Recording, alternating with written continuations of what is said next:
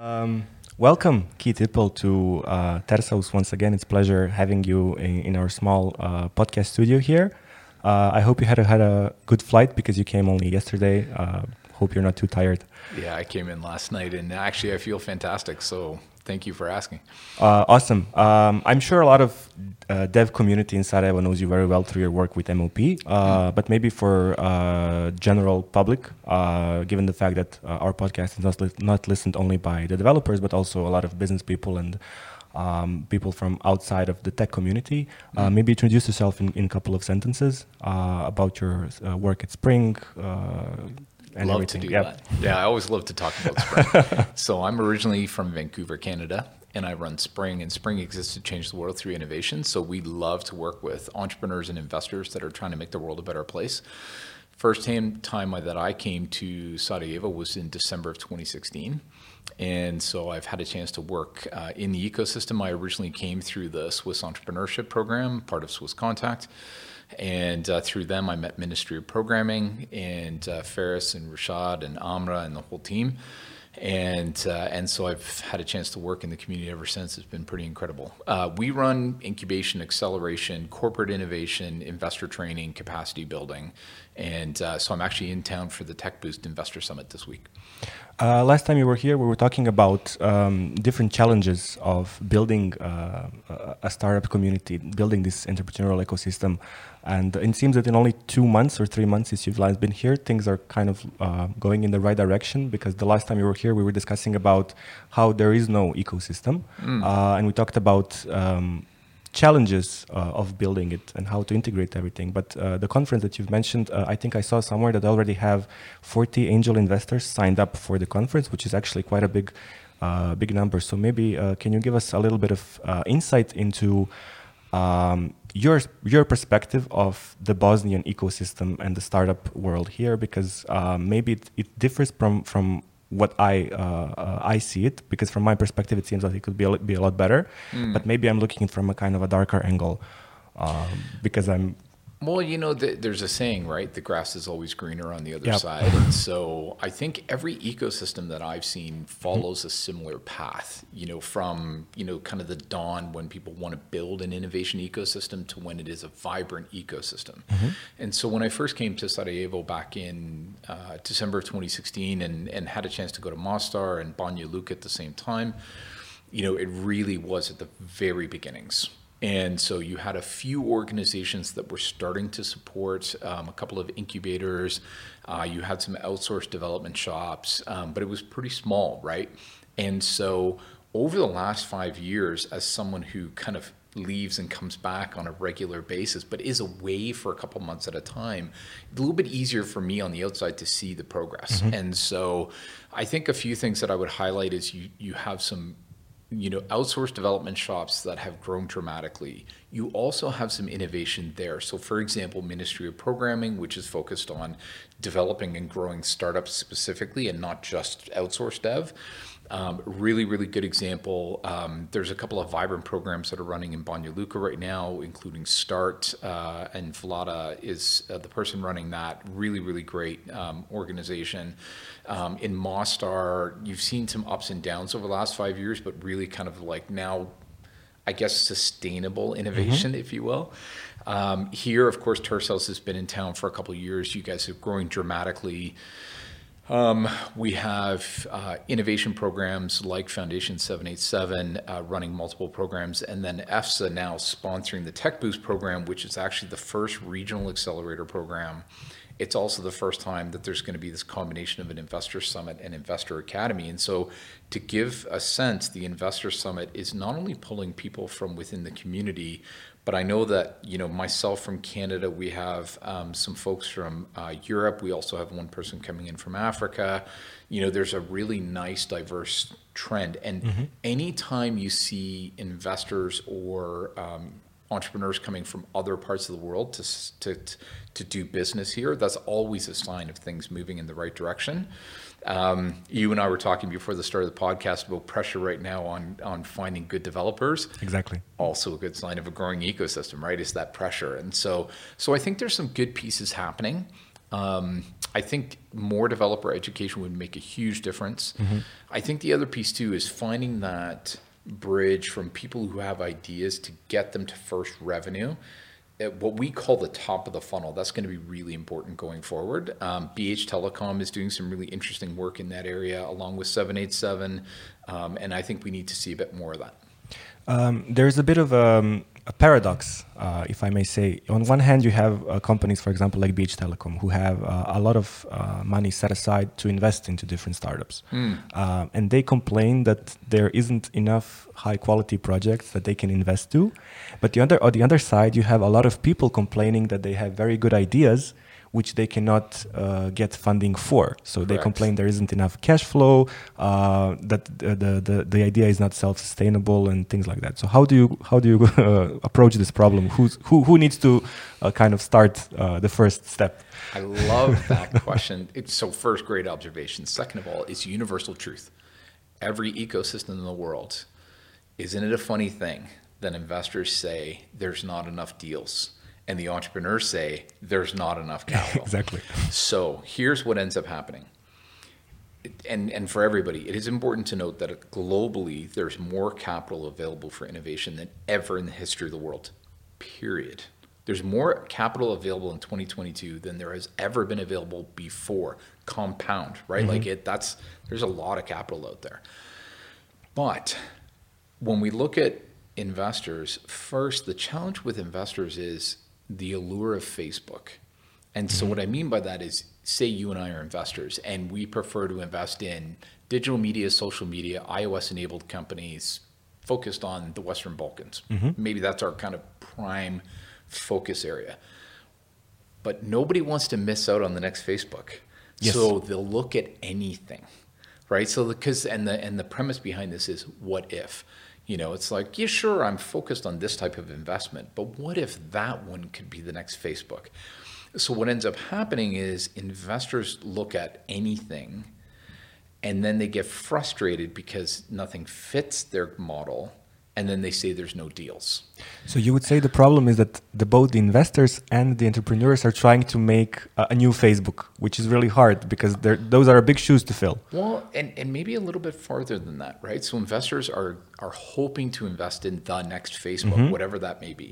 Now, entrepreneurs, when we sell our products and services to the market, to consumers and to businesses, we have a target audience, right? We're all taught that at the very beginning. You know, your product is not for everyone, it's mm-hmm. for someone specific, right?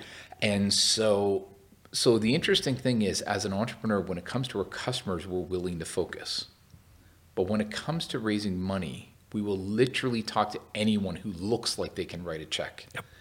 So one example that I have, actually true story, I get off the plane last night. I have I have an email in my inbox from an entrepreneur in Canada, and they said, "Hey Keith, would you introduce me to this investor?"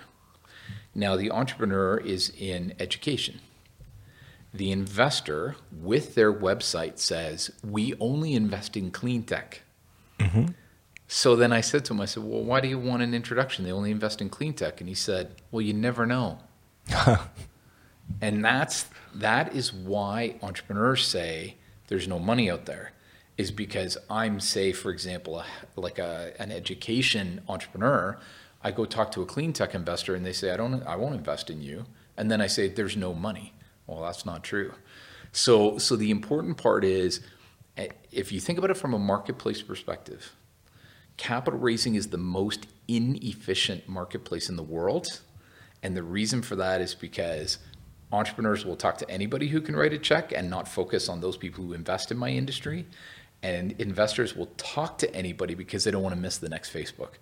That's the challenge, right? Um, I've been following closely. I'm not sure if um, uh, you've been reading about it about Theranos uh, in USA. Absolutely. Uh, and I, I, find it interesting how um, this uh, quest for new uh, Facebook or for new Apple in, in the case of Theranos, because um, Elizabeth so. was very uh, trying to imitate uh, Steve Jobs, the way she was talking uh, on conferences, the way she was dressing and everything, and how the investors, um, just because of this reason that they thought she could be the next Apple, the next big thing, blindly invested into uh, the company which basically didn't have a product for so long. Mm. And another uh, also great example is uh, I'm not sure you know about a company called Nikola.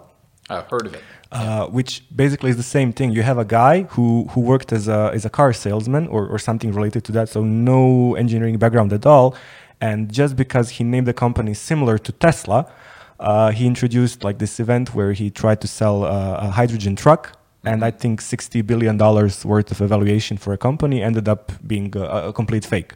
Yep. Again, because the investors feared that they would miss on the next big thing and just blindly invested. So it's, yeah. it's kind of an interesting thing. Well, and, and, and there's a, there's something to be said about this process because I think for all of you who are thinking about becoming uh, an entrepreneur, mm-hmm. you have to remember that investors are not ATMs, right? Like they're yep. not bank machines, and it's about building a relationship. And so, so in building a relationship, the reality is, is ultimately that decision by an investor is an emotional decision. I look at you and I look at your team and I say, can I trust you to, you know, to take care of my money, mm-hmm. right? And and bring me a return. And the interesting thing is, you mentioned uh, Theranos, and I'm also going to mention WeWork. Mm-hmm. And oh yeah, also a great example. Yeah, and and here's the difference. With Theranos, the investors unfortunately got unlucky because the tech was not there, wasn't real. They got lucky with WeWork because it was quote unquote just real estate. Mm-hmm. Like worst case scenario, WeWork has a bunch of leases and, and buildings. Yeah. Which anybody can wrap their head around and you can do something with those leases and yeah, buildings. It's something right? that you can see exactly somewhere on the map. Yeah. So even though the the entrepreneur ended up being a bit of a fake and maybe not the ideal entrepreneur to work with, at the end of the day, investors were trying to make that choice. Do I trust you and your team with my money? Mm-hmm. The best way to guarantee long term success, though, as an entrepreneur, is to go for revenue. And that's where if, if you can show a customer and if you can show a customer that will pay and then uh, pay again and again, the benefit then is not only investors can like you, and maybe sometimes in a misguided way like Theranos, but but more importantly, they can start to look at your progress and your traction and say, oh, okay, like not only is this person likable and are they smart, but they hustle and they mm-hmm. adapt and they can get the revenue. That's actually where you find the magic, the best relationships, I think, between an entrepreneur and an investor. Yeah. Yep. Um, from my perspective here, um, big IT companies in, in, in Sarajevo uh, specifically, um, they, they make quite a good revenue in terms of um, outsourced projects and everything, but it seems like we lack um, self-made products. Mm. Like there isn't a lot of, or as far as I'm, I know, maybe there's something in development which is it's still not public, but uh, large IT companies who clearly have resources that they can dedicate uh, into building something uh, locally uh, are not doing it, and uh, it seems it's only because of the um, uh, financial risk, so to say. Um, it's highly likely that it's going to fail one out of 10 might succeed, but um, they're not willing to take a risk. They take kind of the easy path of just doing the outsourced project for somebody else, and they kind of offload that burden of selling the product uh, someplace else. So I feel like we're kind of um, lagging behind in this um, product development um, thing, so to say, right. uh, which might be a bad thing for the future because uh, eventually there's always going to be somebody who is cheaper to do outsourced projects with. So I feel like it's not um, a long-term sustainable economy. Mm. Maybe I'm I'm wrong, but I, I want to hear uh, what's your opinion about it. Um, how to persuade these large IT companies who have a lot of yearly revenue to invest two three percent of their uh, yearly income into developing and risking a little bit with their own product. Yeah so first thing we want to do is we want to honor human nature mm-hmm. right? So human nature says you know i do what i know and um, and i trust in what i know mm-hmm. and so i keep repeating that. So in other words change has risk and so for a lot of us risk is bad right? Yep. Comfort zone is kind of comfort zone is a good thing. And so so the important part is is first it's not for everybody. But for those who are able to be proactive, there's tremendous power in that because you start to what I call control your own destiny. Mm-hmm. So, um, let's say, for simplicity's sake, um, you know, you have an outsourced contract with a bank in Austria, and you're doing work at any point in time. any combination of they decide to hire locally, they decide to go cheaper somewhere else, or the director who hired you gets transferred into another job and yep. somebody else comes in and your contract's over. So when you have big outsourced clients, the challenge is, is that you know you're you're at risk because you can't control your own destiny. It's what we call the risk percentage, mm-hmm. the percentage of revenue that you have that comes from a single client and, mm-hmm. and, the risk that that represents. So, how do we get people to move? I think sometimes you want to look at other country examples like Vietnam mm-hmm. um, is, is a good example. I think we could definitely put some other examples on the board, but in the case of Vietnam, a lot of outsourced dev shops. India actually is a, is a gigantic mm-hmm. example of this. And then at a certain point in time, the clients started to outsource elsewhere, including places like Bosnia. And so, so what happened is necessity was the mother of invention, right? So in other words, my clients stopped working with me. I have developers. I better do something. Mm-hmm. So what you're advocating for is to be proactive, and I agree completely. The way that you de-risk it is you start by building apps and products that are successful elsewhere that can be replicated in the region mm-hmm. right? Like that's the fastest way to get going. So um, a great example is BlaBlaCar, car sharing service in France. Great example is uh, an entrepreneur in, in Canada looked at that and said, well, nobody's doing it in Canada. So he started Poparide. He had, I think, three, 400,000 users within six months. Mm-hmm. You know, a really great example of just copying what works well elsewhere and then bringing it here and leveraging the strengths that you have. So we were talking about mobile app development earlier, and then you say, well, what are those mobile apps that are really successful elsewhere that can be replicated yep. locally? That starts to de-risk it a little bit and helps some of these great outsourced dev shops to spend a little bit of time and effort. You don't have to figure out the whole model. You don't have to figure out the whole architecture, right? Like you can look to the other examples, start to get comfortable with internal development start to build some of those other capabilities in house, like you know launch marketing and and launch sales and those other pieces, and then build the momentum. And I think you're going to start to see that in the next 12 months in town. I think the noise that I'm hearing from the community is people are ready to step in. Mm-hmm. Um, they have some confidence. They have enough capital. I think the important part for everybody is say pick a percentage, like say maximum 20% of profit or 15% of profit, and say that's what we're going to start to apply in a, in a disciplined way. And with that kind of discipline combined with kind of that de risking, I think you can see a lot of success. Yeah. Uh, there are actually a few examples uh, that uh, mm. of companies that did just like that. Uh, for example, in the early days of social social media, we had a, a, a social platform here called, called dernek.ba, mm. .ba, uh, which sold for a lot of money. Um, I think uh, the company that sold that social media should write a book about the perfect timing to sell a startup. Absolutely. Because that was the moment when the Facebook was getting the momentum. Yep. And if they kept it for like six more months, the, the company wouldn't uh, be valuable at all. Uh, right. But they sold it at just uh, the right time. Timing's everything. Uh, and then they built Pik.ba, which is now mm. the largest site for you know selling stuff in Bosnia. Mm. also a good timing and then they also built uh, Korpa.ba, the, the food delivery service, six months before Glovo came to Bosnia, which is like um, they took they they really had a smart approach, uh, which is one of the rare uh, things you see here. You know, people actually doing their research before we, we kind of have a, a, habit here of going blindly into something and then uh, have, have a mentality. We'll figure out when we get there. Yep. but they actually did the research of what was successful at that particular uh, time what what was trending in for example usa for Korpa it was uh, a year ago uber eats was like the most popular app in, in usa so they figured okay it must come to europe in, in a couple of months. We'll build the same product.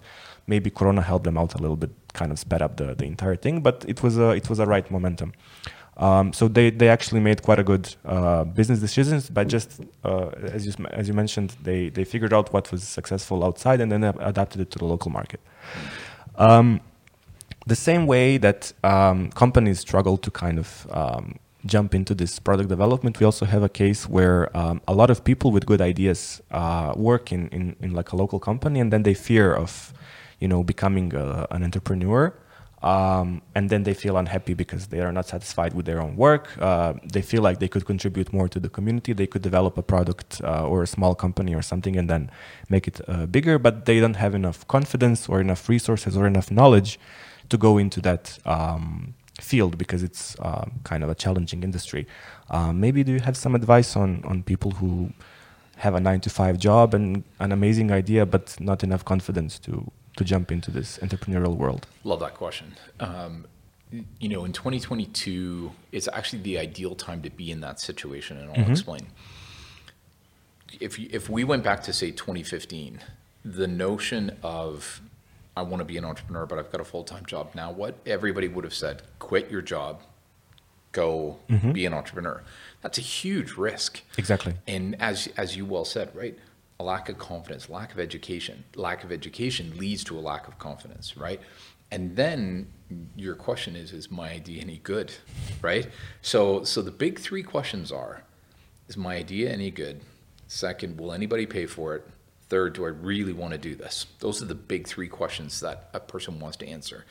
But entering 2022, we have this thing called a side hustle. Mm-hmm. And so, side hustle, the benefit I think for people in Bosnia is the notion of people having, say, a couple of things on the go. Notionally, is a is kind of a thing, right? Good.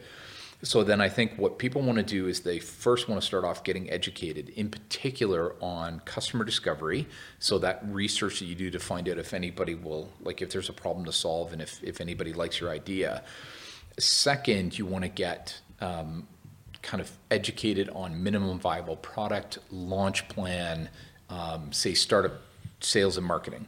The benefit right now is there's a lot of um, first of all, incubator programs in the region. Um, I mentioned 787 earlier and Startup in Banja Luka. Like, so there's some programs that are running uh, currently. Um, I know there's one in Mostar, and the name escapes me off the top of my head. It'll come to me. Um, but the point is, is you can you can sign up for programs locally, or there's great online programs as well, and they're free. Like the online programs, you can just access mm-hmm. that content. Fabulous. So what you want to do is do customer discovery you want to talk to at least 30 potential customers. You can do this pre 9 a.m. during your lunch hour at the end of the day. You can connect with people via email, etc. Um, so you can start to test the idea. And then if the idea looks interesting, so in other words, do they like my idea? Yes. Now you can start to test if anybody's going to pay for it. Mm-hmm. And and the way that we can test this is, for example, people signing up for mailing lists, uh, people signing up for pre-orders or pre-launch. Um, you can all the way go to um, generating revenue for pilots or for early proof of concept or early products, right? Great. So you can get all the way to there. Then you can answer the final question, which is okay, I've been working from nine to five, my day job. Mm-hmm. Then from 5 p.m. to some later point in time, I'm working on my side hustle, which now starts to replicate what it feels like to be an entrepreneur, which is I always call it, you know, you're working flex time. Start anytime before 8 a.m., anytime yep. end anytime after 8 p.m. Right? And so, so the fun part is, is that you know you start to test this and say, do I do I want to work hard to create my own company, mm-hmm. to hire my own staff? To build my own wealth, right? And if the answer to that question is yes, now you're ready to say, okay, I'm going to do this. And then the next step is set a deadline. Yep. Can be three months, can be six months, can be a year. Set a deadline when you're going to quit your job. As soon as you set the deadline, you know the amount of income you need to hit that deadline, and then you can you can build a plan to hit it. So that's the path that I would recommend. Absolutely. Um, there's a story about uh, a company who developed Candy Crush Mm. Uh, they're a mobile game development company, and um, I think I read somewhere that before Candy Crush, they had 90 games who they developed, published, people downloaded them, but none of them made any significant impact on the community. So the 91st game was actually a success, uh, which kind of um, really sets a high bar on you know being persistent until you get your uh, your big break. But on the other hand, um, how do you know uh, when your idea is not good enough? Like when do you, when do you um, decide? Okay, the thing that I'm pushing for, it's maybe not the right time. The market is not correct. Uh, I'll switch to something else. So there's this sweet spot before uh, giving up too early and then uh, pushing too much. Such a great question. I don't know if there's like I, I feel like if I had an answer to that question, I would be like a multi-billionaire, right? Um, the the reality is is that you do have to feel it. Mm-hmm. So there are certain things. So for example, if you build an app and nobody downloads it. Um, so there's a funny story. You know, crowdfunding like Kickstarter, mm-hmm. Indiegogo. So crowdfunder, like a Kickstarter, if you run a Kickstarter campaign, all the the stuff that you read out there says you start with your friends and family, and you say. Yep. Buy my stuff on Kickstarter and Indiegogo. True story 27% of all crowdfunding campaigns raise zero dollars those clearly need to be a no. Yeah. right? Because your friends and family aren't even buying because they're your friends and family. Like it's that bad yeah, an yeah, idea, right? Um, but you know, I think there's a few other things too. One is, um, you know, the the market just says no. I'll give you another example. Um, uh, there was a company that I was working with in Canada, and they said we went out into the marketplace, and it was a business to business idea and it was very local specific because the nature of the service they were mm-hmm. offering. And so they went out there and they said, "Good news, we identified 50 companies that would buy." And then I said, "Great, how much can they spend a year?" Mm-hmm. And they said five thousand dollars each. And I said, "Great, that's two hundred and fifty thousand dollars. What are your expenses?" And they're like, "Yeah, it's about a million dollars." And I'm like, so, so, so you're a little bit short. you're a little bit short, and the reason is because the idea didn't scale. Yep. And so, so a couple things. One is sometimes people don't want to buy. Second, um, the the the market isn't big enough to justify mm-hmm. the effort. Um, and uh, and I think the third one is like, yeah, will people actually pay for it? Mm-hmm. So an example that I'll give you is I actually had a an organization reach out to me recently, and they're running an education program, and they said, "Hey, we have an education program." and we put it into the marketplace for $1,500, but nobody wants to pay for it. Mm-hmm. So we're thinking about dropping the, the price to zero and we'll figure out a way to make money later. And I'm like, I'm not sure how you can make money later if the, the customer is not paying money today. And so the tr- you know the the reality is it's always easier to lower price in the future than it is to raise the price. Yep. So you know the important part for me is I always look at it and say I have a target audience. Mm-hmm. Are they willing to buy? Uh, are they willing to use it? Second, are they willing to pay for it? And third, is that market big enough? Those are tend to be the things that might cause someone to say stop. Mm-hmm. Right. The important part though is you have to fully test it. So in other words, you can't talk to three customers. Like that's not enough. You got to talk to 75 or 100. Like you got to find out right? Because sometimes the first 10 people you talk to are not the market. Yeah. Right? They just have unique buying habits, right? Like some people like to buy orange sweaters, some people like to buy black sweaters. You know, like it's kind of one of those things. And so you do have to test it out. Uh, and, and a fantastic example that I have is a company called Traveler Collective. When they started selling, they were selling to men. Mm-hmm. And it grew to about, oh, like it wouldn't be unreasonable to say like say a million million five in annual revenue but then it stopped like it plateaued mm-hmm. and so then they're like well this might be it and then that might head to uh, no but what happened was is that in their kind of test to see if that was the limit they started talking to women more and they found out that a slight shift in their product would actually serve women they doubled their revenue in three months you know, so it's a good example of you want to take a look at the information and say, do I have everything? Have I tested everything? And if mm-hmm. I have, then it's okay to say no. And one thing that I want to say is there's this culture in Silicon Valley which I, I was a part of early on, and it's called the fail fast culture. Mm-hmm. And so the idea of celebrating failure. And I actually would would argue now that's wrong. And I'm going to explain. Okay. I think failure is when you blindly go bankrupt. Mm-hmm. But if you start a company and or you start an idea and you test it and you find out it's not going to work and you stop, that's called learning. Failure is bankruptcy because I was too pigheaded to stop. You're you burning know, money for no reason. Burning money for no reasons. I, so I think what people want to get into is a learn fast culture. Mm-hmm test the ideas, talk to the marketplace, test if I can go to launch, test if I can work from like 9 a.m. to you know 7 p.m. or 9 a.m. to 9 p.m. and like kind of test my own kind of desire to like create my own thing, right?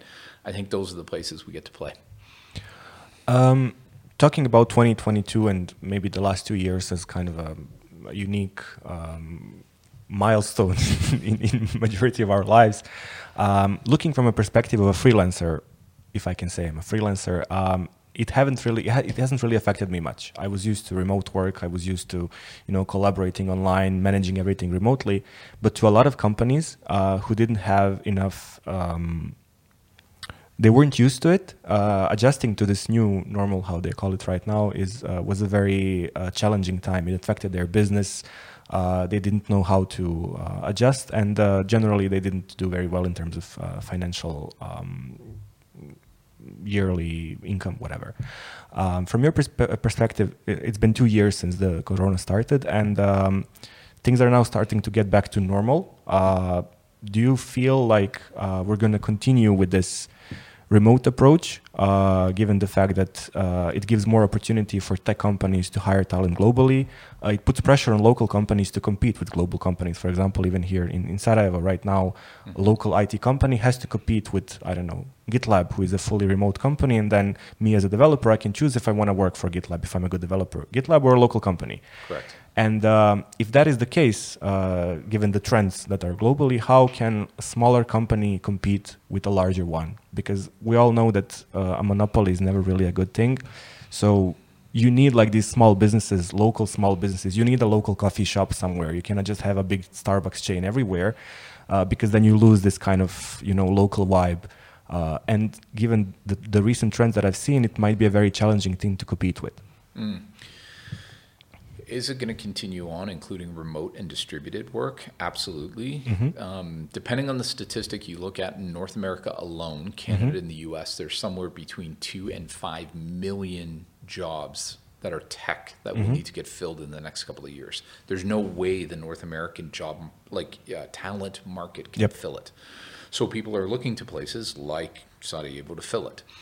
Um, so what that means is, to your point, in in Sarajevo and Bosnia, local smaller companies will need to compete. Good. Yeah. because what it does is it creates world class companies. Yeah. And so the important part for me is a couple of things happen. One is um, you want to offer people that which no other company can offer. And so, one thing, say if you're a smaller company in Sarajevo, the first thing you can offer is a blend of remote work and in person. Mm-hmm right? So it's just down the street. Ministry of Programming has an office, and so their people can work from home and they can come in. They can have holiday parties together. They can, you know, do learning together. Um, I know, for example. Uh, they're going to be doing like an internal set of like pitch events and, mm-hmm. and meetings uh, this week. Um, so that's a unique offer that GitHub can't offer, yep. right? So that's kind of point number one. Second, the opportunity to offer some form of continuous learning right? So a lot of large distributed team businesses. You mentioned GitHub, Amazon, Facebook, others. You know, the challenge is, is that you're one of tens of thousands of employees. And so how do you actually really get the type of learning and kind of personal growth that you're looking for? Um, so I think for me, if I'm a small company, I'm going to say first, I want to offer those things that are unique that other people can't mm-hmm. offer. You can speak in your local language. You can come into the office. You can participate in local events and work from home. Um, you can get unique professional development that is a little bit more tailored to you because we're not this big nameless, faceless organization. Mm-hmm. Um, and then I think the the final component is this kind of quality of work idea and quality of team. And I always say that if I'm leading a business, there's three dials that I can use to impact how my team is feeling. So one is compensation, the second one is career path, and the third one is team, right? So if I can make each one of those dials work, mm-hmm. right? So maybe it's not like the coolest, uh, say, tech that I'm working on, but I've got a great career path and I've got an incredible team. Okay, that that can make for a great job. So I think the important part for small businesses here is you want to say to yourself, what can I offer that's unique and different? And second of all, just know you're competing on a global stage. So you can't compare yourself to other companies in Sarajevo. You must compare yourself to companies mm-hmm. in Berlin, in uh, Stockholm, in London. And when you start to compare yourself there, what it does is it ups your game on the types of clients you go after, the type of work you're going to do, the what you offer your your team, um, and that changes the game. And I think that's actually where, if everybody wants to use Ministry of Programming as an example, perfect example, mm-hmm. right?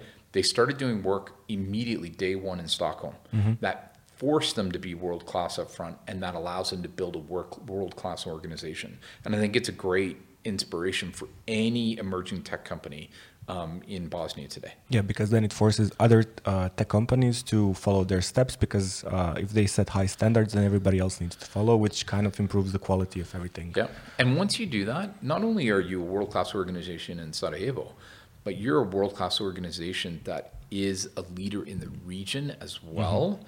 And so then you start attracting people in the region, you start attracting people in country, and then suddenly your orbit grows. So it is a domino effect and uh, and it's something I think everybody should be focusing on. Yep. Yeah.